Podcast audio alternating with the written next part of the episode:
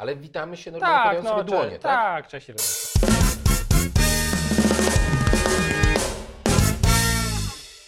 Witaj serdecznie Piotrze. Cześć. W ogóle tak przeglądając e, swoje dokumenty księgowe założyłem, że masz firmę za granicą. Ja nie mogę, ja o czymś takim nie mogę nawet rozmawiać. Nie możesz?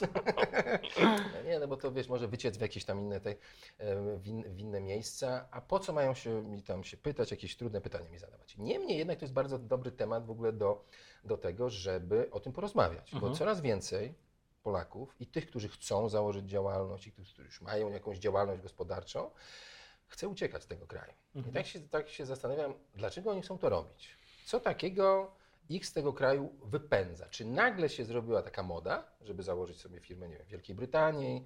No z tego co wiem, to już naprawdę sporo Polaków ma e, firmy w Wielkiej Brytanii. Mhm. E, No i tak chwalą sobie, tak, że jakaś urzędy są bardziej przyjazne, No są że nie muszą od razu płacić jakichś koszmarnych kwot, czy zarobią, czy nie zarobią. Tu w Polsce muszą ZUS płacić. Tak? Chyba w ogóle pierwsze tam księgowe rzeczy trzeba zrobić dopiero po paru miesiącach, nie? Jak dobrze No jak słyszałem po roku chyba, No. półtora roku. To Tak? jest niewyobrażalne, ale jak? Tak bez przez rok? Nie wiemy, nie możemy kontrolować? I na przykład słyszałem też, nie wiem czy to jest prawda, ale słyszałem, że na przykład można sobie wybrać, yy, wpisać do y, tej swojej spółki y, działalność dopiero po jakimś czasie. No tak, jak A już będziesz wiedział, na to, czym PKD, to, PKD. Tu w Polsce, to jak się zakłada spółkę czy coś, to, trzeba- to się wpisuje Dlatego jak najwięcej. Wszyscy, tak. No więc właśnie, że to jest kompletny bezsens. Hodowla owiec i usługi informatyczne. Nie? Na przykład, tak?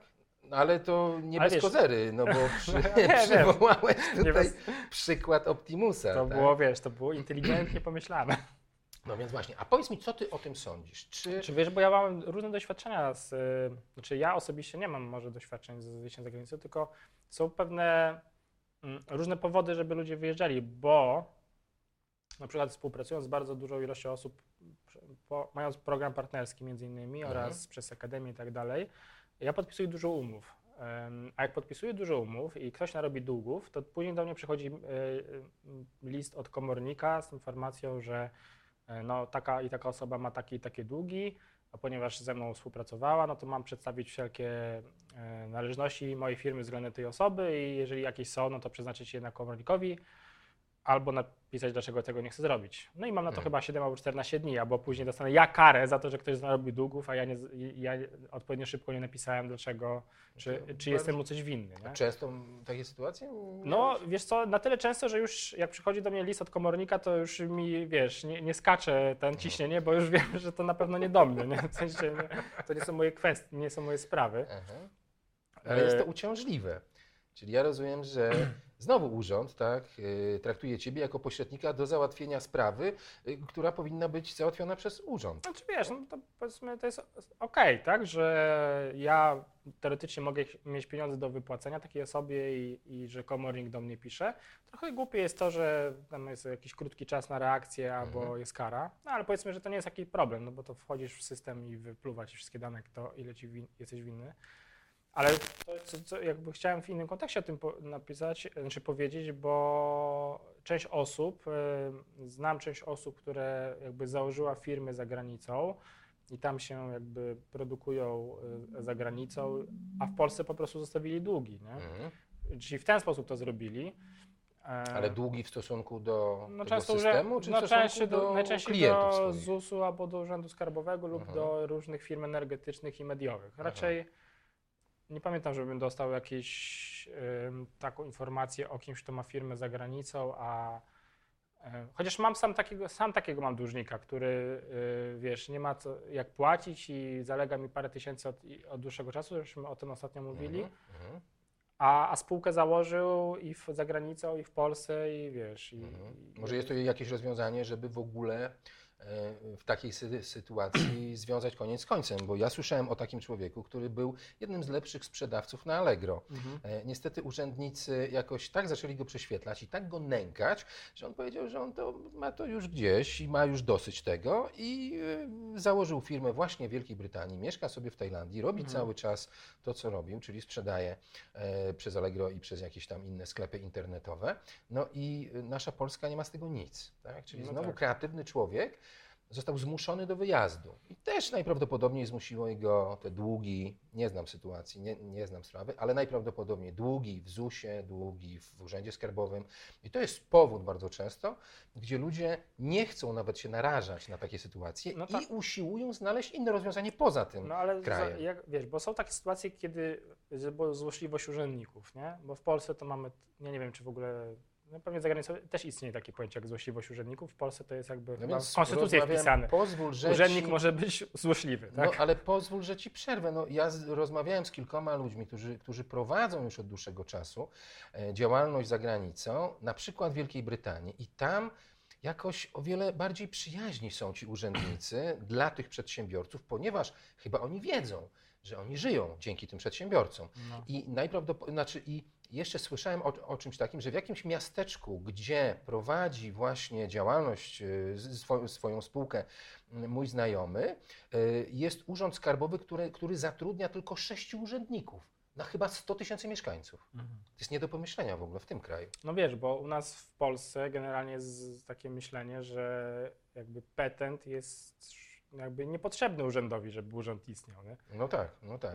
Urząd spokojnie mógłby istnieć bez e, Tak. przedsiębiorców na przykład, No urząd jest tak. skarbowy. Dokładnie. Jest taka, taka, taki moment, kiedy już nie potrzeba żadnych spraw z zewnątrz. Że tylko sam tam się kiszą we własnym sosie. Ale widzisz, e, Wasz znak, nasz znak, według rozdzielnika, kupę pism i, i tak dalej. więc jakby trzeba by podzielić dwie takie sytuacje, tak? Kiedy jest komuś firma opadła, bo jest złośliwość urzędnicza i powiem szczerze, że jakby nie mam, uważam, że taka osoba, która powiem, że ma to gdzieś, nie będzie spłacała tych długów, które są nieuczciwe i po prostu robi biznes za granicą, wyprowadza Mhm. pieniądze za granicę, to jakby moralnie jest to okej, nie? Chociaż Mhm. brzmi to strasznie, ale, ale tak Mhm. naprawdę są takie sytuacje, że ktoś ewidentnie kogoś, wiesz, chciał uwalić, nie? No, ale z drugiej strony są też takie sytuacje, że ktoś po prostu źle zarządzał firmą, narobił długów, a później sobie je, wiesz, anulował, wyprowadzając się za granicę. No Masz rację, no nie można Jak na wrzucać to- wszystkich jak do na to, jednego jak na worka. to spojrzeć w tym momencie, nie? No bo ja na przykład mhm. ze swoich długów po prostu, wiesz, wychodziłem y, długo, nie? A I Mhm. co prawda nie miałem wobec Urzędu Skarbowego nigdy, bo tego pilnowałem, żeby nie mieć urzędowych długów, bo to jednak nawalanie się z nimi to jest inna sprawa. Ale miałem swoje długi w bankach jakieś porobione.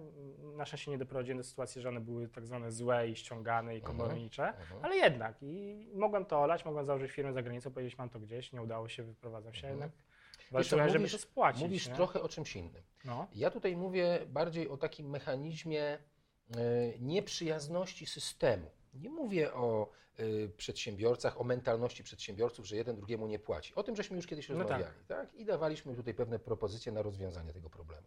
Tylko, że jakby mówię o drugiej stronie barykady. E, Większość przedsiębiorców, z którymi ja rozmawiam, bo też należę do różnych e, klubów biznesowych, Mhm. E, I oni twierdzą, że bardzo często bywają w takich sytuacjach, kiedy widzą wrogość nastawienia do siebie urzędników. No Że tak. tak jakby ci urzędnicy mm, od razu. Yy, że jesteś winny. Tak, zakładali, że jesteś winny i zawsze można na kogoś e, coś znaleźć. Mhm. No i może dlatego młodzi ludzie, którzy chcą w ogóle e, zabawić się w przedsiębiorczość, na razie boją się tego robić w Polsce. Bo Czyli- od razu są narzucone na nich pewne, pewne konieczności. Ja się temu zupełnie nie dziwię, bo powiem szczerze, że sam się zastanawiałem, czy nie założyć firmy za granicą. Znaczy, ja nie mam tego problemu inaczej. Ja mam już taką, tak dobrze zarabiającą firmę, że mm, polskie warunki są w sumie nawet korzystniejsze dla mnie niż zagraniczne warunki, na przykład niż w Wielkiej Brytanii, bo tam bym płacił 32% podatku Mhm. tego dochodowego już, nie? Mhm. VAT jest tam chyba niższy, bo jest 20%, jeśli się mylę. No tak, ale też ta granica. Tak, ale ja jakby dotrwałem do tego momentu, ale jakbym miał zakładać Aha. firmę i teraz wiesz, rzeczywiście ten 1000 zł miesięcznie to jest dużo, dużo pieniędzy na początku, jak ktoś nie ma inwestora i robi tak zwany biznes od zera, Mhm. plus wolna kwota od podatków. Jeżeli w Wielkiej Brytanii mamy e, 40 tysięcy złotych, Mhm. wolnych, Około. około Mhm, tam mhm. 10 tysięcy funtów prawie, Chyba tak? tak, no. Plus To- to ZUS jest podobno jakiś totalnie śmieszny, pomijalny, typu Mhm. kilkadziesiąt złotych przez ileś tam na początku. Ja nie znam do końca warunków. Mhm. Ale to, to rzeczywiście założenie tam firmy, tylko problem polega na, jakby na czymś innym, że z tego, co ja się orientowałem, w sumie tutaj dobrze byłoby wziąć prawnika i na tą To jest rozmowę, kolejny temat właśnie do to później zweryfikujemy Aha. wszystko, co powiedzieliśmy źle. Y, że jak tutaj robisz, ym, na przykład ym, znajomy, o którym mówiłeś, który ma firmę w Wielkiej Brytanii, jest z Tajlandii, jest w Tajlandii, nie w Polsce, dlatego że nie możesz być tu, mieć firmy w Wielkiej Brytanii i sprzedawać Polakom głównie. Bo ci urząd Mhm. skarbowy powie, że hola, ty prowadzisz biznes w Polsce, a nie w Wielkiej Brytanii. Nie? Mhm. I tak ci dowalą, y, wiesz, to co ci tam mają dowalić, więc, To wszystko zależy. Znaczy, Więc musiałbyś ja się- mam takie wiadomości, musiałbyś się emigrować z Polski, żeby obsługiwać. E, Póki, oczywiście wiadomo, można to robić póki cię nie złapią, ale równie dobrze mógłbyś w ogóle nie mieć firmy i, i udawać, że masz firmę. No bo, bo to jest jakby dokładnie ta sama sytuacja. Nie? Zakładamy, że chcemy robić biznes e, legalny, który w, w przypadku kontroli przetrwają. Nie? Mhm. To w Polsce jest to na pewno duże wyzwanie. I teraz mm, robienie tam tej firmy, no musiałbyś mieć klientów za granicą, żeby uzasadnić posiadanie firmy za Mhm. granicą, tak naprawdę wo, wo, Mhm. wobec Polskiego Urzędu Skarbowego. Nie? Mhm. Wiesz, w Polskim Urzędzie Skarbowym jest takie, na przykład jest też taka sytuacja, która też bardzo mocno ogranicza przedsiębiorczość.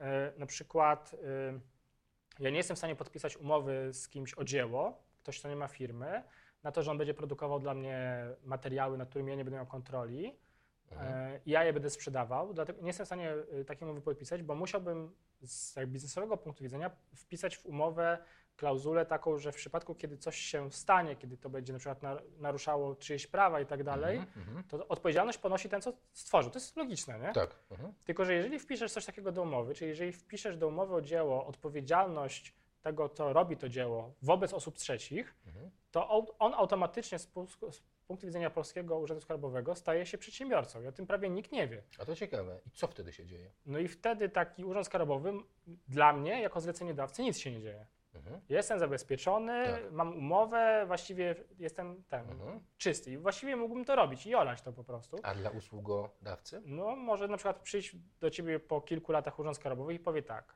ZUSik, znaczy ZUSik to przyjdzie ZUS, niezależnie, Mhm. Poproszę ZUSik za ostatnie 3 lata prowadzenia działalności gospodarczej oraz VAT.